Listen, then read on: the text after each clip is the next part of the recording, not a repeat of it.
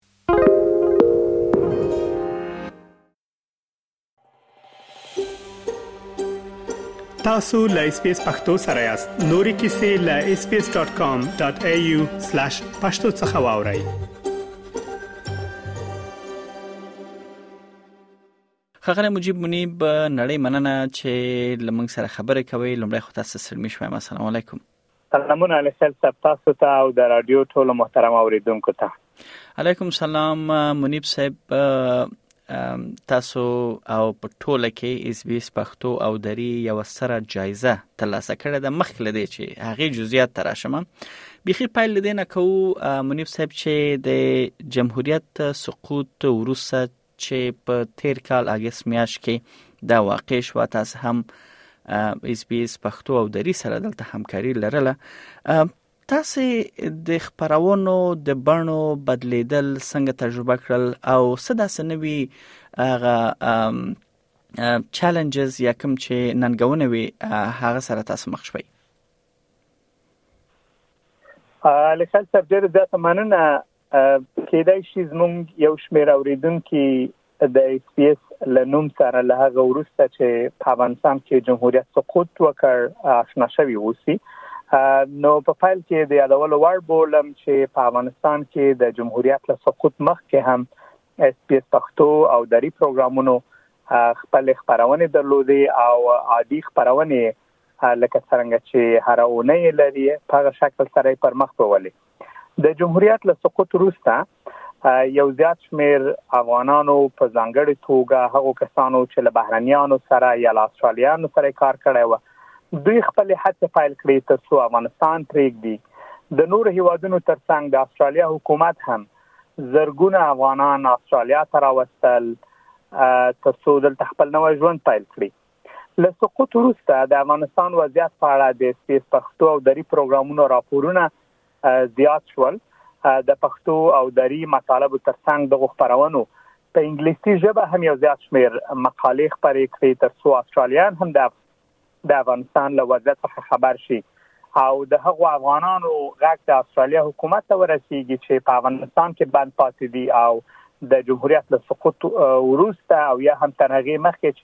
په ورستیو اونیو کې یا میاشتو کې وضعیت خراب او د دوی غږ د استرالیا حکومت ته ورسوي د دې ترڅنګ چې استرالیا اس پی اس پښتو او دری د افغانستان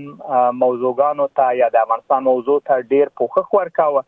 د دې ترڅنګ د دې لپاره ترڅو استرالیا ته د نویو راغلو افغانانو لپاره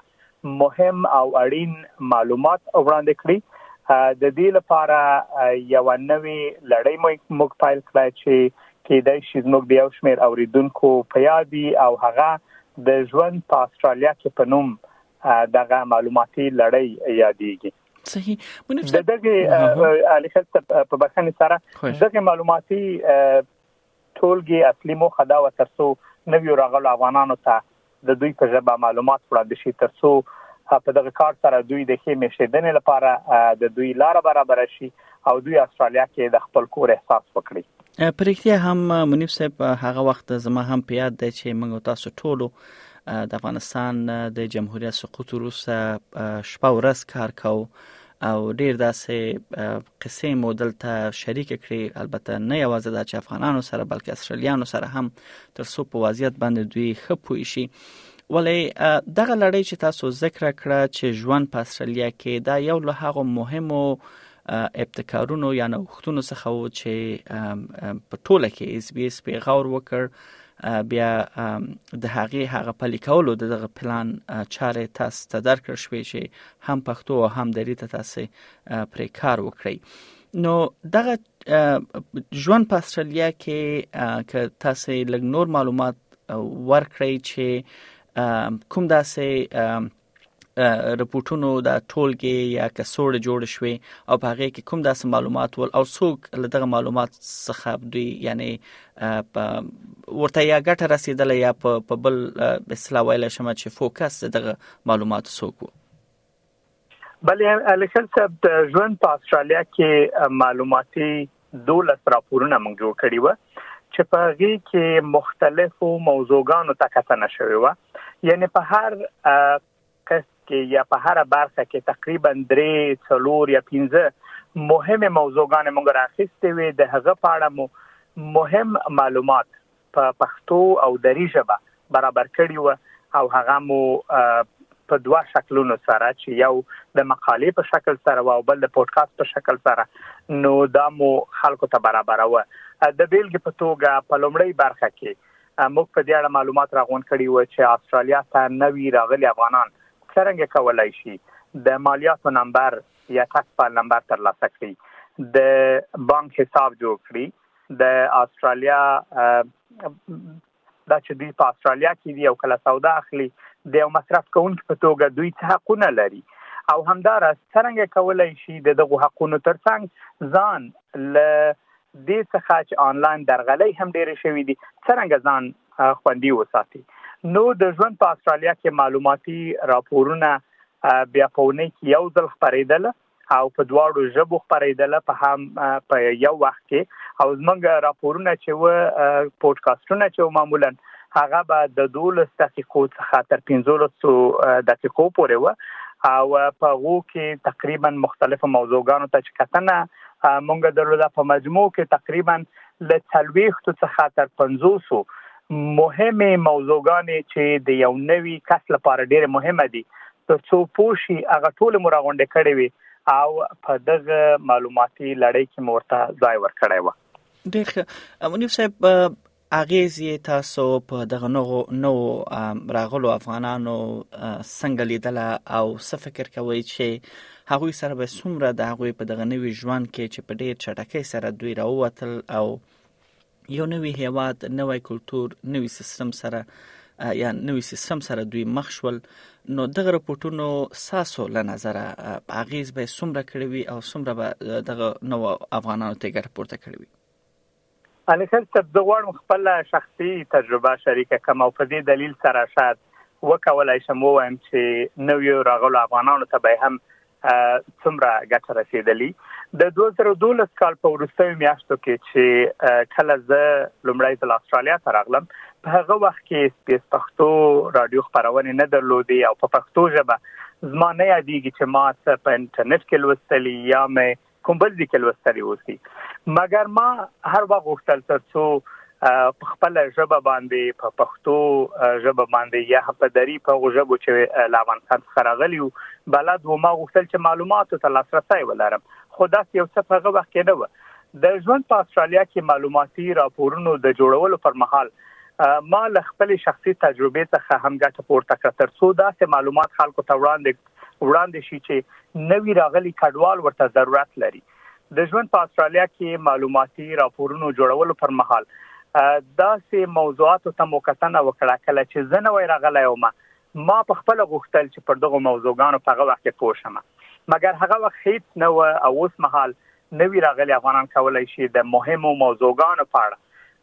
دغه معلوماتي راپورونه چې موږ برابر کړي دي دا په پښتو او دری ژبو واوري او دغه راپورونه ته معلومدار چې دغه راپورونه ته هغه کسان چې په انګلیسي ژبه ډیر بلدیت نه لري او یا هم په خپل مورنۍ ژبه د معلوماتو اوریدلو سره ډیر علاقه لري یا په اسانۍ سره په پوهیږي نو هغه مهم مسایل چې څوک نه وای راځي او باید پر پوښي او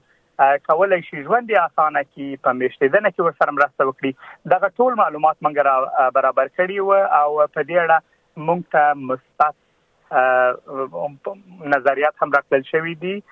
کوم ادارو چې ل نوې راغلو کډوالو سره کار کاوه نو په دې اړه خبرګونونه مثبت و او دغه انتخاب د موضوعګانو هم داسې شوی و چې یو کس چې نو راشي کوم شان څه ضرورت لري په دې اړه موږ معلومات راغون کړي و یعنی دغه راپورونه لکه څه اوس هم شته کچېر زموږ اوریدونکو غواړي چې نوی دوی استرالیا ته راغلي دي یا هم د دینو مهمه موضوعګانو په اړه چې لا تر اوسه دوی معلومات نه دی اوریدلی او غواړي په پښتو او دری ژبه یې ووري کولای شي زموږ له ویپانو څخه لیدنه وکړي او هلته دغه معلومات ولولي او مهم معلومات په پودکاسټونو کې ووري ډیر ښه منیف صاحب را به شو یو ډیرې مهمه جایزه ته چې همدغه رپورټونو لړۍ په د نیو ساوت ویلز ایالت د پریمیر چې هغه د یاد ایالت مشر دی دغه لخوا چې یعنی سو کلتوریزه ټولنې مطبوعاتو ته ورکول کیږي په هغه کې اس بي اس هم شامل و او دغه لړۍ چې وا د اس وی اس لخوا په ټوله کې هغه لپاره د نومان نوماند و البته دغه دغه زموږ د رپورټونو لړۍ او په پای کې تر ټولو ستره جایزه چې د کار د کال تر ټولو غوره خبرندوی جایزه یې هم ترلاسه کړله څه احساس مو وکړ تاسو هم مالته وي ما خپل هم په دغه محفل کې حضور درلود ول تاسو لپاره دغه جایزه سمانه درلوده بله الکل صاحب لکه څنګه چې تاسو هم معلومات شریک کړل د نیسوتوز د ایالت مختلفو کلتورونو د اړیکو جایزه هر کال د مختلفو ټولنو هغو رسنیو او د مارکیټینګ برخې کمپنیو یا کارکونکو ته ورکول کیږي چې خو ځلیږي نو په مختلفو برخو کې جایزې ورکول کیږي خو یو لډیر مهمو جایزو څخه دا ده چې د کال تر ټولو غوره خبرندوی هم ټاکل کیږي د دې لپاره لکه څنګه چې مونږ په ډیر یو مهم وخت کې چې د افغانستان سقوط و او په دغه وخت کې په زرهاو نوی افغانان استرالیا ته راتلل په دغه مهمه وخت کې کوم مهمه پودکاسټونه یا مقالې چې د ژوند په استرالیا کې تر عنوان لاندې دغه ټولګه مونږه برابر کړې او په هغه کې مزای پر ځای کړی و مونږ هم خپل راپورونه د دغه جایزې لپاره کاندید کړ چې په دې وتوانېدلو ترڅو وروستي پړاو ته هم لار پیدا کړو او ګټونکي هم اعلان شو نو اس پی اس پښتو او دری دواړه پروګرامونه د کال غوره خبرندوی جایزه وګټله او دغه جایزه هم د ژوند په استرالیا کې معلوماتي ټولګې لپاره ترلاسه کړه ځکه په یو مهم وخت کې ډیر مهم معلومات نویو راغلو کسانو ته د دوی په خپل ژبه وړاندې شول دغه جایزه چې ما د اسپیس پښتو او دری په استازیتوب ترلاسه کړه او دغه جایزه د پښتو او دری پروګرامونو لپاره یو ډیر لوی ویاړ دی دا جایزه د استرالیا د نیو ساوث ویلز ایالت د مشر ډومینیک پیروټیل خو ما تراکل شه چې دا ډیر د ویاړ خبره و چې اس پی اس پښتو او دری په دې وتاوانې دله ترڅو دغه یو مهمه جایزه ترلاسه کړي او دا په دې معنا ده چې د دغه کار په تشویق سره چې زمونږ کوم مهمه کار موږ تر سره کړی و د دې لپاره تشویق شو دا به د دې باعث وګرځي تر څو پر اتلونکو کې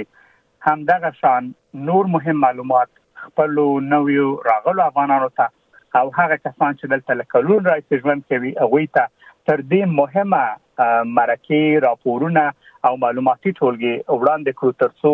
وکولای شو دغه د رادیو کوم د جوړښت اصلي اهداف چې دي ترڅو ټولنې ته خدمت وکړو په دې کار سره خپل هدف ته ورسیږو او لا ډیر مهم کارونه تر سره کړو. ډیره زیاته مننه منیب صاحب پرختیا هم چې ډیره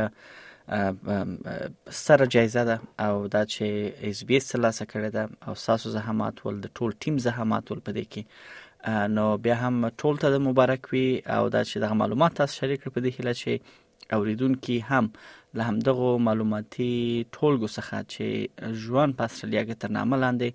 زمونږ پر ویب پاڼه باندې چې sps.com.au/pashto شتون لري لغې څخه برخه یعنی برخمن شي او ګټه ترلاسه کړي نو تاسو هیڅ چاره غواړم لا بریالي اوسئ